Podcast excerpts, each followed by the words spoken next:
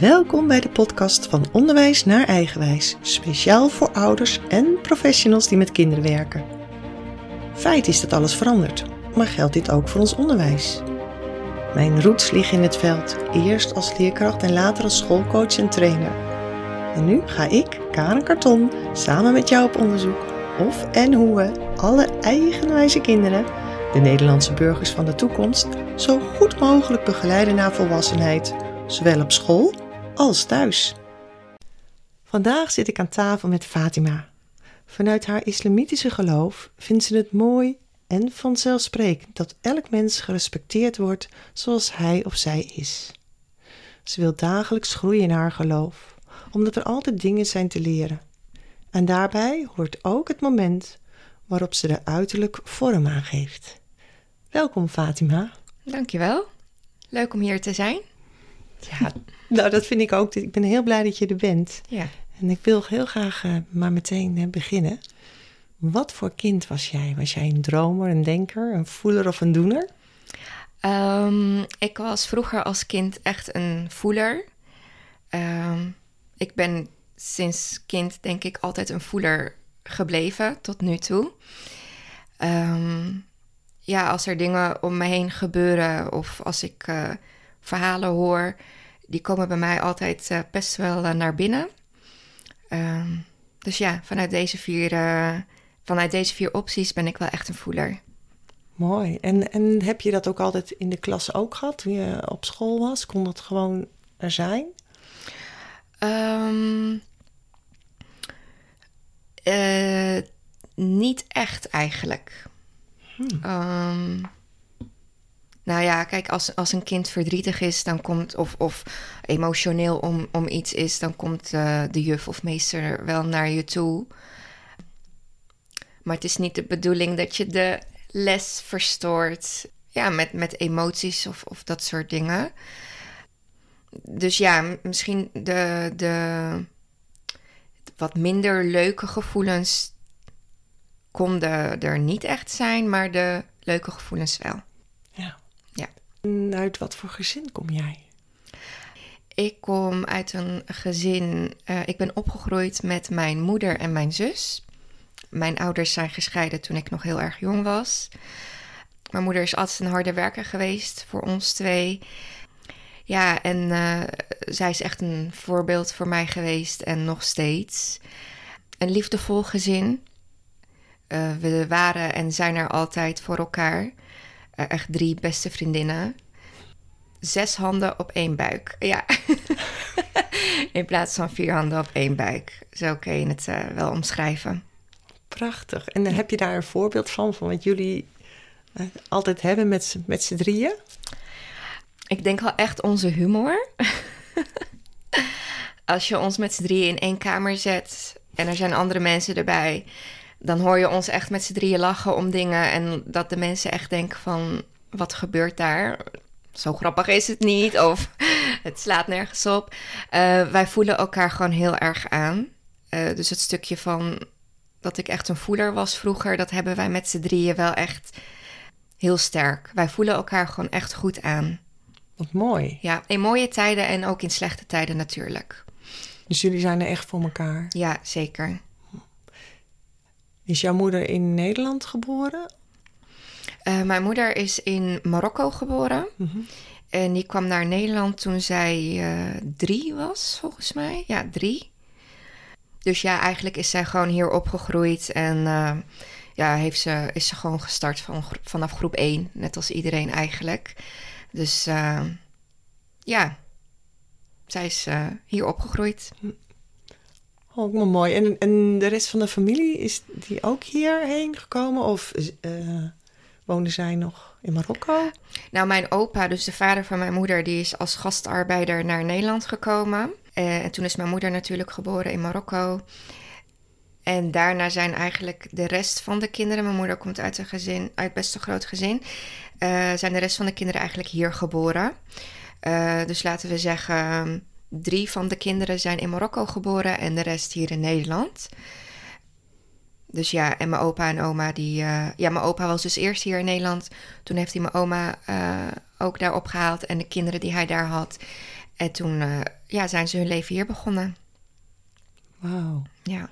Wat een rijkdom volgens mij, wat jullie met elkaar hebben dan. Ja, zeker. Ja, we hebben echt. eh, familie is echt. staat echt op, op nummer één eigenlijk. Ja. Mooi. En dan ga ik weer even verder naar. ehm, op een gegeven moment ga je naar school. Je gaf al een beetje aan van, nou ja, eh, fijne gevoelens leuk. Maar andere gevoelens waren best wel lastig om, eh, eh, om, om te kunnen uiten in de klas. Omdat je dan de klas, wat je zei, de les verstoorde, hè? had Ja. je het idee. Hoe ging verder jouw schoolcarrière? Op de basisschool was ik echt een verlegen, stil, rustig meisje. Die wel hield van kletsen met vriendinnetjes, maar voor de rest eh, eh, niet echt ervan, eh, ervan hield om in de aandacht te staan of als eerste vinger opsteken. Het was echt gewoon een rustig meisje, muurbloempje eigenlijk. En ja, op een gegeven moment ga je naar de middelbare school.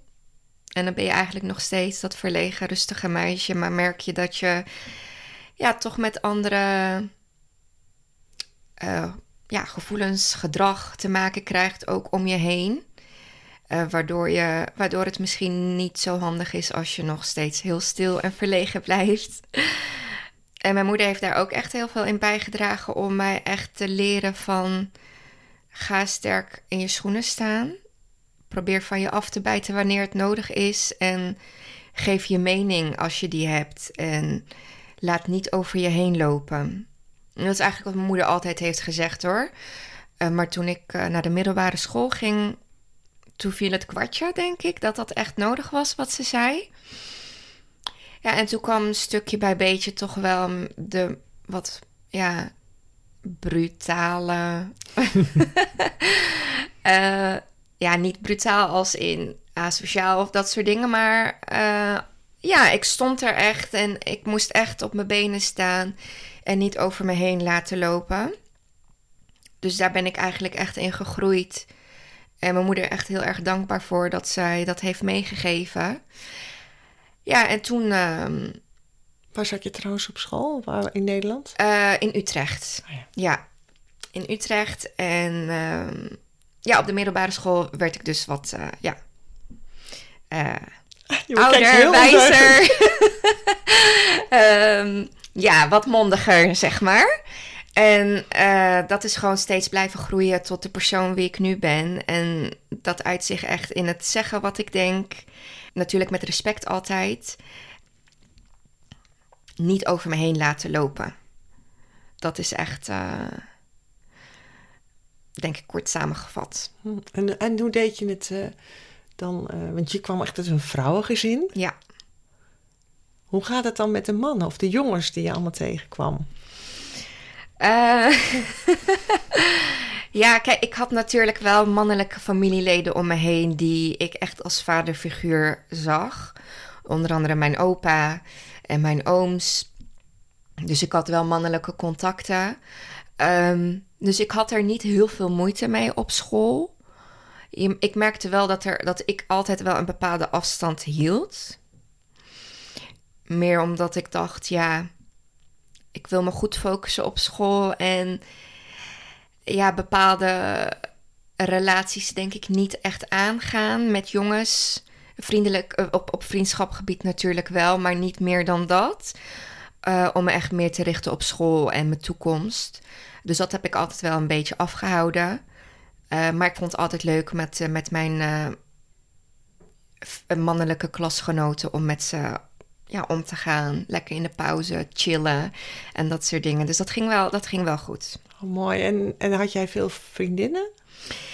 Basisschool of middelbare? Ja, ik heb altijd eigenlijk tot nu toe, sinds jongs af aan, vaak wel één of twee goede vriendinnen gehad. En daarbij wel ook kennissen of meiden die ik dan ken, maar die liet ik niet altijd echt binnen. Ook denk ik gewoon zelfbescherming. Dat ik zoiets heb van niet iedereen of niet te veel mensen wil ik te dichtbij laten komen, want je weet maar nooit. Je weet maar nooit. Ja, je weet niet of, of er altijd goede bedoelingen bij zijn. Of... meisjes blijven meisjes, dus die kunnen ook af en toe kattig zijn. dat wil ik niet te veel om me heen. Ja, drama wil ik niet te veel om me heen hebben. Dus dan wil ik liever gewoon één of twee echt goede, waar ik het gewoon goed mee kan vinden, dan heel veel losse, ja, vriendschapjes of, of dat soort dingen. En je hebt natuurlijk eh, je zus. Ja. Want die is ouder dan jij, toch? Ja, die is vijf jaar ouder dan ik. En dat is wel, die staat wel eigenlijk mijn hele leven al op nummer één als vriendin. Dus daar heb je dan ook al ja, niet gen, ja, genoeg aan eigenlijk. Als je advies nodig hebt, of, of je voelt je even niet goed, of je hebt leuke dingen, dan, dan ga ik naar mijn zus. En de rest omheen, dat is dan extra. Mooi. Dat je het zo mooi, ja, een echt stevige basis uh, ja. Ja, dat zie ik. Ja. ja. En als ik nou zou vragen, hoe zouden docenten en leerkrachten jou beschrijven? ja, op de middelbare school dus uh, uh, soms een beetje brutaal. Mm -hmm. Maar wel echt een uh, gezellige kletskous. Ik was niet, ik werd niet altijd de klas uitgestuurd of, oh, okay. of nou soms wel. Als ik dan te veel, te veel sprak of dat soort dingen, dan, dan kreeg ik wel strafwerk van dat ik honderd keer moest opschrijven en niet, ik mag niet praten in de klas, bijvoorbeeld. Werkelijk? Ja. Op de middelbare school? Op de middelbare school, ja. En wat leerde je ervan? Ja, niks. Want ik deed het gewoon weer. Weet je, je, zit, je komt op zo'n leeftijd dat je gewoon lekker wil kletsen met de meiden en een beetje, ja, een beetje gek wil doen. Dus ik leerde daar niks van. Uh, maar ik was geen vervelende leerling. Ik denk dat de leraren dat me niet als vervelende leerling zagen. Ja, wel een verstandige, verstandige meid. Die, die misschien minder liet zien dat, dan wat er in haar zat. En dan ben je ook wel een keer. Uh, nou, heb je ook wel eens iets gedaan wat je zelf denkt van: oh ja, dat was niet zo handig. Is jou een keer wat overkomen dat iemand, uh, dat je zegt, nou, dat was wel iets cruciaals. Want ik denk van: wow, dat heeft wel uh, school te maken. Ik kan dat nu niet zo 1, 2, 3 bedenken. Het was geen. het was een veilige school. Nou ja, nu. nu ik misschien terugdenk, ja, het is eigenlijk helemaal niet grappig. Dat er wel echt een keer een, een, stoel door een lokaal werd gegooid richting de meester. Ik weet ook echt niet meer wat de reden was. Uh, dat is wel iets, als ik nu even goed terugdenk, dat ik denk: hé, hey, uh, waar was dat nou voor nodig? Maar goed, je, de, die pu puberale leeftijd is soms een beetje uh, lastig denk ik ook als volwassene om daarmee om te gaan. Dus ik heb echt respect voor alle leraren en, en docenten die daarmee omgaan. Ja, dat, dat is wel iets wat me, wat me nu even te boven schiet, wat best wel uh, vervelend was. Maakt echt indruk op jou. Ja. Waarvan ik denk, ja, dat, dat niet, is niet nodig geweest. Nee. Misschien was er een meningsverschil of hè, iets, ik, ik weet het even niet meer. Ja, dat, dat los je niet op die manier op. Heb jij ook wel eens uh, Arabische les gehad? Nee, nee geen Arabische les. Nee. nee.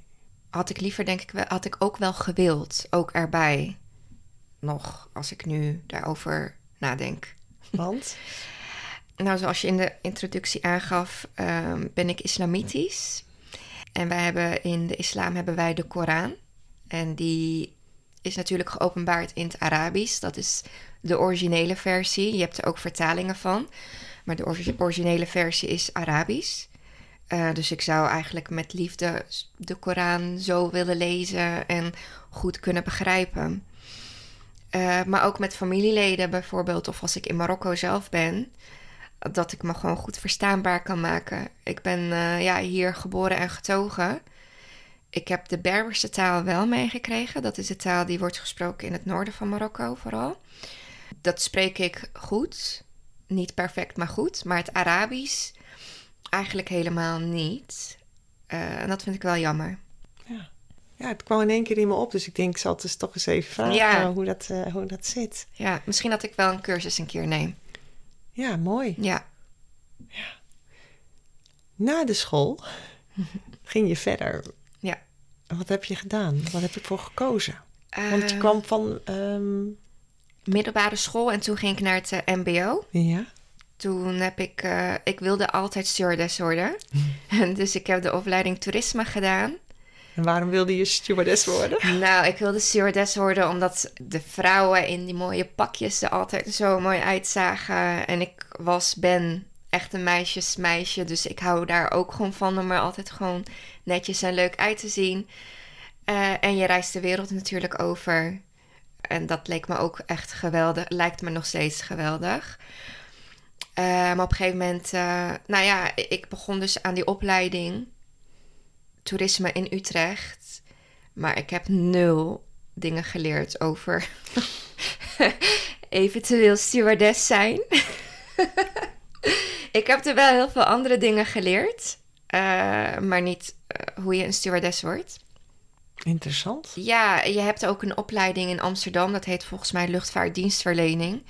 Ja, als je daar dan achteraf over nadenkt, dacht ik, ja, als ik nou een beetje meer sturing had gekregen, had ik wellicht gelijk die opleiding kunnen doen. Ja. En was ik het misschien, had ik het misschien wel gedaan.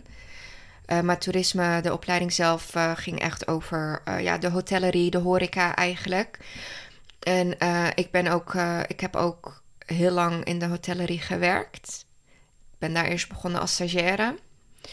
vanuit de opleiding zelf. En ben ik eigenlijk blijven plakken. En heb ik vijf jaar lang in een hotel gewerkt. Wat deed je daar? Ik stond achter de receptie. Dus ik checkte de mensen in en zorgde ervoor dat ze satisfied waren. En daar ben ik echt gegroeid van jonge meid die nog niet zo heel goed durfde om echt in de grote mensenwereld te, ja, te leven of, of er te zijn. Heb ik het daar echt geleerd om met volwassen mensen om te gaan, te praten en echt te groeien. Dus dat heb ik een hele lange tijd gedaan. Uh, in de tussentijd heb ik ook de, de opleiding marketing communicatie gedaan. Richting evenementen. Want ik dacht, hé, hey, misschien wil ik ook wel weddingplanner worden. Klinkt ook goed. dus heb ik ook die opleiding gedaan. Ook in die opleiding niks, daar, niks daarvan geleerd. Interessant. Ja, uh, wel om, om uh, wat erbij komt kijken om een evenement te organiseren. Maar ja, niet specifiek wat ik wilde. Je kon je niet specialiseren? Nee. Ja, wellicht als je dan uh, het HBO of iets dergelijks ging doen. Maar dat heb ik niet gedaan. Ik ben hm. na die opleiding gestopt met school. En toen ben ik eigenlijk, uh, bleef ik eigenlijk nog plakken bij dat hotel. En toen dacht ik, hé, hey, ik moet denk ik ook wel door. Dus heb ik verschillende baantjes gehad. Ik heb als receptioniste bij grote bedrijven gewerkt. Ik heb uh, als supervisor gewerkt bij een customer care uh, afdeling. Ik heb bij een psychologenbedrijf gewerkt. Ik heb als office manager gewerkt. Heel verschillende dingen gedaan. Heel veel ervaring opgedaan.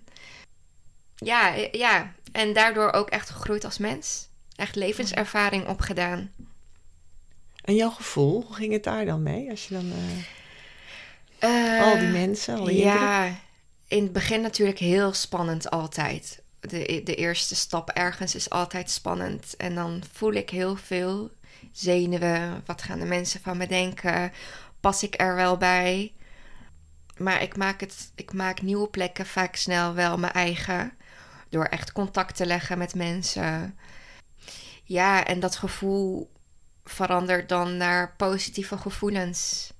Uh, ja, het gevoel dat je echt iets hebt bereikt. Dat je ergens bij past. Dat je ergens bij hoort. Dat je wordt gewaardeerd. Ja, soms meer soms komen die gevoelens meer naar boven en soms minder. En dat van uh, bijhoren, mm-hmm. heb je enig idee waar dat vandaan komt? Want je um, hebt je ehm. plek, je bent hier, je bent, ja, je hoort hier. Ja. Je bent prachtig. Dankjewel. Ja. ja, ik vind altijd, denk ik wel, het fijn. Ik vind het sowieso fijn als ik weet wat mensen van me denken. Ook al is het negatief. Ook al vinden mensen me niet leuk. Ik vind het altijd fijn om, te om dat gewoon te weten. Ik weet niet zo goed waar dat vandaan komt. Ja, en dan wil je toch... Ja, je gaat niet alles doen om erbij te horen. Maar het is toch een fijn gevoel dat je niet wordt buitengesloten. Of dat je niet wordt gepest. Want dat, dat gebeurt ook wel eens op de werkvloer. En dat is dan fijn als dat niet gebeurt. En het is niet dat ik over spreekwoordelijke lijken ga om er maar bij te horen. Dat niet. Ik blijf wel echt altijd mezelf. En als je jezelf blij, blijft en dan erbij hoort, zeg maar, Mhm. ja, dat is, geeft gewoon een fijn gevoel. Ben jij ooit geplaagd of heb je iets meegemaakt op de basisschool of op de middelbare school dat je dat daaraan eh, relateert? Eh, nee, maar ik heb wel om me heen gezien dat dat gebeurt. Dat mensen dan een beetje worden buitengesloten als ze een beetje anders zijn. Bijvoorbeeld vroeger, eh, vroeger in mijn tijd, toen ik op de middelbare school zat, als je dan jongens of meiden had die dan eh gothic waren, bijvoorbeeld. Ja, die werden dan een beetje uitgelachen of die waren dan raar. En ik dacht altijd van, ja, laat ze lekker. Maar je ziet het wel gebeuren. En dat wil je zelf niet hebben. Maar ik heb, ik, ik, ik heb het nooit, ik heb nooit echt meegemaakt eh, dat ik werd gepest. Wel eens geplaagd, maar Ja. dat deed ik zelf ook. Ehm, maar niet gepest, nee. Nou, ga ik een heel raar bruggetje maken, want dat gebeurt in mijn hoofd. En dat heeft misschien helemaal nergens mee te maken. Maar als ik dan denk aan die gothics, dat je dat geobserveerd hebt. En dat Mhm. je nu ook zegt van ja, maar ik kies mijn moment waarom ik, waarop ik kies hoe ik uiterlijk vorm geef. Heeft dat dan toch te maken met hoe mensen dan misschien anders voor jouw gevoel gaan kijken naar je? Nou ja, ik denk in deze samenleving zoals die nu is, Mhm. als we het ja, feitelijk gezien of feitelijk benoemen, dat er wel anders wordt gekeken als er bijvoorbeeld een vrouw rondloopt met eh, bedekking, hoofdbedekking, een hoofddoek. Dat, dat is gewoon zo. Dat, heb ik, dat hoor ik uit ervaringen om me heen van mensen die een hoofddoek dragen.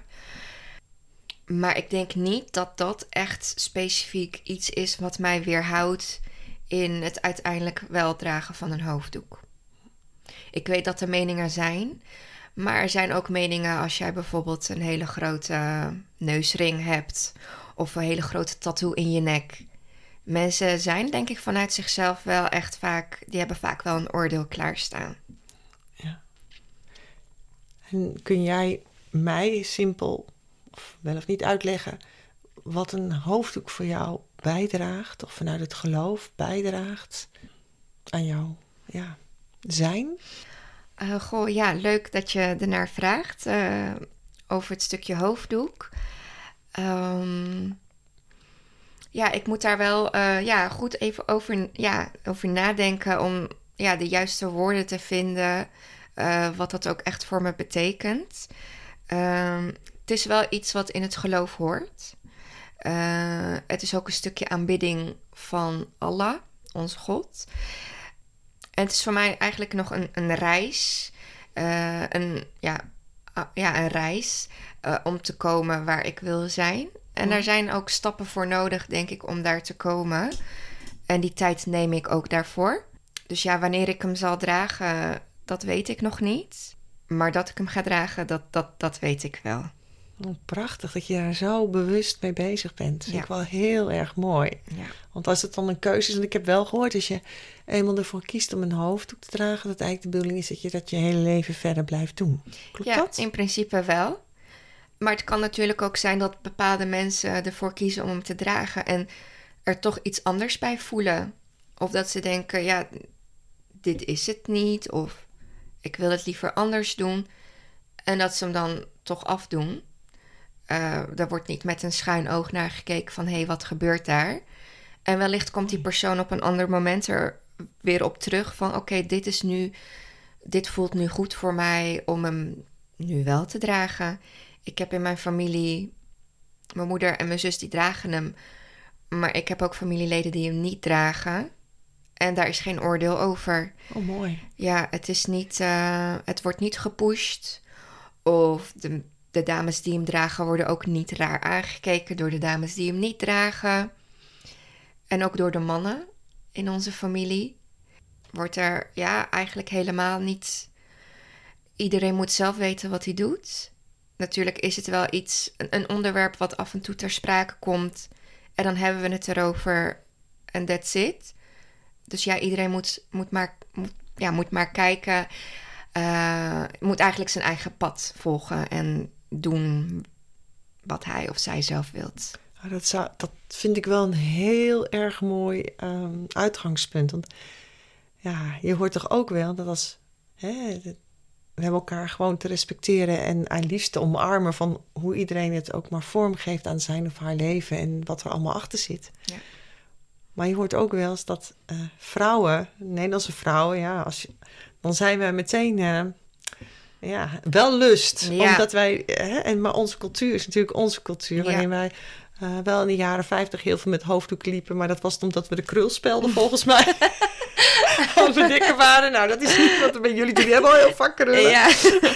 Dus dat zal het niet zijn. Nee. Eh, ja, maar ik vind het dus echt heel fijn om te horen dat het bij jullie open is. En Ja. dat eh, zowel mannen als vrouwen vrij gelaten worden in hun keuze. Ja. Ja. Want je weet niet wat er bij iemand van binnen Nee. speelt, denk ik. Nee, zeker niet. En dat weten de, de mannen die de Hollandse vrouwen met lust bekijken. Die weten ook niet wat er speelt bij die Hollandse vrouwen. Of, of laat ze in hun waarde. En dat is ook wel echt iets vanuit ons geloof. Dat je iedereen respecteert hoe hij of zij is. En respecteer ook ieder ander zijn of haar geloof. Of levensovertuiging of whatever. En het is zeker niet aan ons en ook zeker niet aan de mannen om vrouwen van een andere cultuur of geloofsovertuiging anders te, benaderen ja. of beoordelen. Absoluut niet. Vrouwen zijn heel erg gerespecteerd in ons geloof. En de mannen die, die, die moeten eigenlijk dat gewoon respecteren. En natuurlijk, ieder persoon is anders. Iedere opvoeding is anders. Je weet niet wat, wat die mensen vanuit hun huis uit meekrijgen. Eh, maar ik denk dat als de basis respect is bij iedereen, dat, dat, dat het mooier kan zijn of worden. Ja, ja. Ja. Heel mooi. Ja, ik vind dat respect voor lichaam en geest. Ja, Eigenlijk is dat volgens mij de basis waarmee we elkaar weer kunnen ontmoeten. zeker. Ja, Zo Van, oh, maar, en nieuwsgierigheid. ja, Heel nieuwsgierig, maar hoe, hoe dan? ja. ja en Ik snap er niks van. Nee, en gewoon durven vragen. Ja. Kijk, misschien zie jij een keer een, een vrouw met een boerka buiten lopen, die dus rustig op de bus zit te wachten en jij ook. Vraag gewoon iets. Mensen zijn ook gewoon vaak bang. Of ja, ik, ik, weet, ik weet ook niet wat erachter zit, want ik ben zelf niet zo'n persoon. Maar durf gewoon op iemand af te stappen en gewoon te vragen. Wees inderdaad gewoon nieuwsgierig. We zijn allemaal mensen. Ja, wees gewoon open voor elkaar. Mooi, mooi. Ja. Ik ben eigenlijk wel heel nieuwsgierig naar jouw reis in de toekomst. Hoe je, hoe je dat allemaal ziet. Want het is wel heel mooi open. Ja, Hè? Je hebt natuurlijk en toch een hele bewuste keuze. ja, zeker. Stap voor stap. Stap voor stap, inderdaad. En doe jij mee aan de Ramadan? Ja, ik doe mee aan de Ramadan. Bij ons is het ook zo dat je vijf keer per dag eh, moet bidden. Ik eh, doe mijn best om dat ook te doen. We leven in een eh, drukke samenleving, dus tijd gaat snel voorbij. En dan heb je weer werk, heb je weer school, heb je weer een afspraak. En het is de kunst om eigenlijk daar om tijd te maken voor je geloof en op tijd te bidden. We hebben vaste tijdstippen per, op een dag, maar dat lukt mij niet altijd op tijd. En wat levert het jou op? Rust. Echt rust en echt een connect, connectie met, met Allah, God. Het is echt een, een, even een moment op een dag of eind van de dag of je begint je dag met even rust. Een soort meditatie eigenlijk. En een gesprek met God, met Allah. Eh, en dan kun je er weer tegenaan. Dus het is niet een verplichting en het moet niet als een last voelen, maar meer als een onderbreking door de dag heen om even je rust te pakken en even te connecten. Ja, mooi. Het is eigenlijk een soort van re- zelfregulatie Ja. eigenlijk even voor jezelf. Ja, ja, zijn zo, ja, en maak de vorm uit. ja, ja. Of is het juist wat je zegt, dat moment van helemaal naar binnen? ja naar inderdaad. rust. Ja.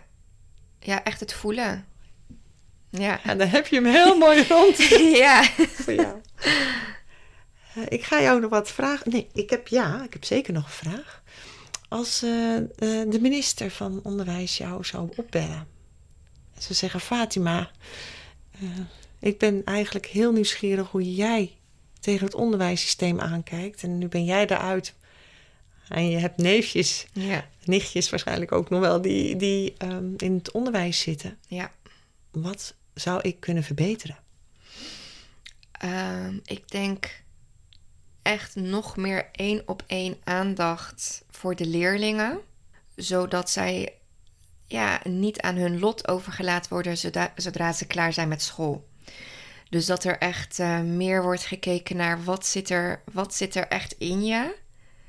Uh, creatieve kant of, of mm, wiskundige kant of whatever.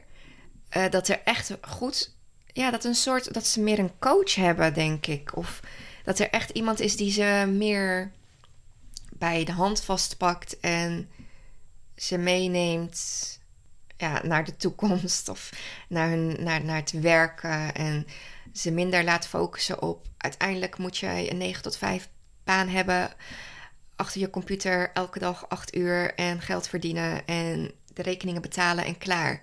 Dus ik denk meer één op één coaching.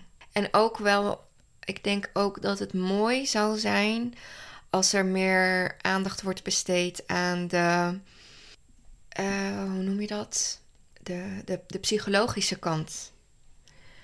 Want ik merk nu, ik heb bij een werkgever gewerkt waar er heel veel aandacht wordt besteed aan werknemers die psychologische hulp nodig hebben. Maakt niet uit in welke vorm. Ik denk dat het voor kinderen ook wel goed kan zijn. Want je weet nooit wat er speelt of waar ze behoefte aan hebben. En als daar meer aandacht wordt, aan wordt gegeven, denk ik dat dat wel heel mooi zal en kan zijn. Dankjewel. Ja. En wat zeg je tegen kinderen die uh, heel blij zijn op school? En wat zou je zeggen tegen kinderen die absoluut ongelukkig zijn op school? Om wat voor reden dan ook. Ja. Uh, de kinderen die blij zijn, ga zo door. Wees lekker blij. Geniet van het leven. Geniet van het school zijn, op school zijn. Van je vriendjes. En blijf lekker leren. En doe alles gewoon stap voor stap. En de kinderen die niet zo blij zijn op school. Ja, aan hun zou ik misschien ja, willen zeggen om...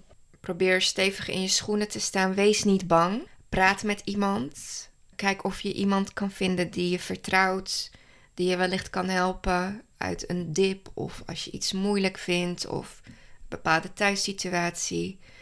Wees niet bang om, om hulp te vragen. Mooi. Heb jij ooit een docent gehad die jij extra vertrouwde waar jij iets aan kwijt kon? Of heb je het nooit nodig gehad? Ik heb het niet nodig gehad. Uh, niet dat alles altijd perfect liep hoor, maar school was voor mij echt school. Leuk met de, de leerlingen en leren. En als ik echt iemand nodig had om mee te praten, dan deed ik dat wel thuis. Ja. Dus ik heb, niet, uh, nee, ik heb dat niet uh, gehad of nodig gehad op school vroeger. Mooi. Ja. Maar mooi, fijn ja, eigenlijk. Gelukkig, ja. ja gelukkig. ja. ja. Ik ga je steeds twee uh, woorden geven. Ik wil heel graag dat je gaat kiezen. Oké. Okay. Geïnspireerd of aangeleerd? ja, geïnspireerd. Dus ik moest daar even over nadenken, want ik vind ze allebei wat hebben. Maar geïnspireerd vind ik mooier. Je ogen lichten daar toch bij op. ja. grappig. Denken of doen? Doen. Dromen of voelen? Ja, voelen. Maar ook een beetje dromen. Basisschool of middelbare school? Basisschool. Want? De kinderen zijn, zijn nog zo jong en zo leeg. Hun hoofd is nog zo leeg. Probeer daar wat moois van te maken. Op de, middelbare, op de basisschool. Hm. Theorie of praktijk? Praktijk. Reken of taal? Taal. 100% taal. Lesuur als strippenkaart of het huidige schoolsysteem? Hmm. Lessen als strippenkaart. Heel interessant. Ja. Waar gaan je gedachten heen? Ja, laat de leerlingen doen of, of, of geef de, de leerlingen waar ze behoefte aan hebben. En laat ze niet onnodig vijf uur op een, op een dag op school zitten om maar de uren te vullen. En wat vind jij van huiswerk? Komt even tussen me op. Nee, vind ik. Uh, schoolwerk hoort op school. En hij, thuis zijn we thuis. Daar, daar mag je lekker uh, kind zijn en lekker met vrienden, vriendinnen, familie zijn om andere leuke dingen te doen. Mooi. Ken jij Wiki de Viking? Ja, die ken ik, ja. En dan ken je ook Pippi Langkous. Ja, En welke van de twee kies jij? Pippi Langkous. Want? Eh, ik heb het nog nooit gedaan, dus ik denk dat ik het wel kan. dat, het is echt heel leuk dat je deze twee, eh, deze twee kiest. En ik heb het nog nooit gedaan, dus ik denk dat ik het kan. Is echt mijn levensmotto. Echt waar. Echt waar, gewoon. het is zo grappig dat je dit nu zo zegt. Want zo sta ik echt in het leven. En afgelopen jaren heb ik ook zo geleefd. En ik merk dat dat mij echt ver heeft gebracht. Wauw. Ja, echt waar. Vooral op werkgebied. Ook privé soms, maar vooral op werkgebied. Geef maar, ik heb dit nooit gedaan. We kijken wel of het lukt. Lukt het? Nou, dan weten we dat. Lukt het niet, weten we dat ook en dan gaan we door. En als ik nou eh, kon toveren, wat zou ik dan voor job voor jou eh, creëren? Oeh. Ehm, toveren en dan even kijken. Ja, ik vind het heel erg leuk om met mensen te werken. Eh, ook op een coachende manier vind ik ook heel erg leuk. Om mensen echt te inspireren en te motiveren. Maar ik vind het ook heel erg leuk om mensen mooi te maken. Dus misschien iets van schoonheidsspecialist. Hmm, En misschien een combinatie daarvan. mooi. Ja. Oh, performance, hoe mensen zich eh, kunnen... Ja. Maar ik, vind, mooi. ja, en, maar ik vind het zelf trouwens ook heel erg leuk om bijvoorbeeld eh, voor een grote groep mensen te staan en dingen te ver- Ja. vertellen of eh, verkopen of te delen. Dat Oh, je gaat er van stralen, hè? Ja, ik vind dat leuk, want ik vind het wel. Het geeft mij een kick Mhm. als ik merk dat ik een groep mensen geboeid kan houden aan hetgeen wat ik vertel. Oké. Maar het moet natuurlijk wel interessant zijn. Nou ja, leuk zijn wat ik vertel. Niet gewoon Zomaar iets. zomaar iets. Dan wil je met echt wat- inhoud. En wat voor inhoud? Ja, over het leven, denk ik. En, eh, en het geloof? en het geloof. En dat het leven ook mooi is. We, we zien vaak dingen, we horen vaak dingen. Dat mensen bijvoorbeeld eh, in een burn-out zitten. Of het is niet, het leven is zo zwaar.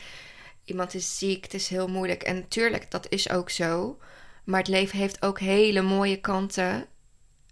En het is mooi om mensen daar bewust van te maken. Nou, ik zie het je wel doen, hoor. Het lijkt me leuk om van jou dingen te horen. Ja, nou wie weet. Ja.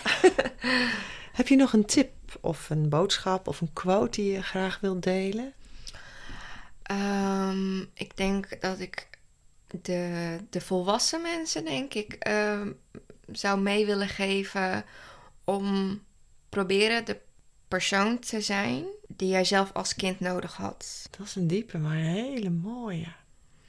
Iedereen heeft wel iemand nodig gehad om een bepaalde richting op te gaan of bepaalde dingen aan kwijt te kunnen of advies of in de breedste zin van het woord. Probeer dat te zijn voor, voor de jeugd van nu, voor je kinderen, voor maakt niet uit met wie je, met wie je spreekt. Wauw, Dat Dankjewel. Is, eh, ja, graag gedaan. prachtig. Nou, dan sluit ik hier toch deze mooie podcast mee af. Helemaal goed. Bedankt. Dankjewel voor het luisteren. Als je nog een vraag hebt of wil reageren, stuur me dan een berichtje via karen.krachtstroom.nl Karen schrijf je met een E en krachtstroom schrijf je met de letters K, R en dan het cijfer 8. Het staat voor de verbinding van hoofd, hart en buik. En dan stroom, zoals je het zegt. Ik zou het echt tof vinden als je me een like zou willen geven. Wens je een stromende dag vanuit jouw oneindige kracht. Veel geluk!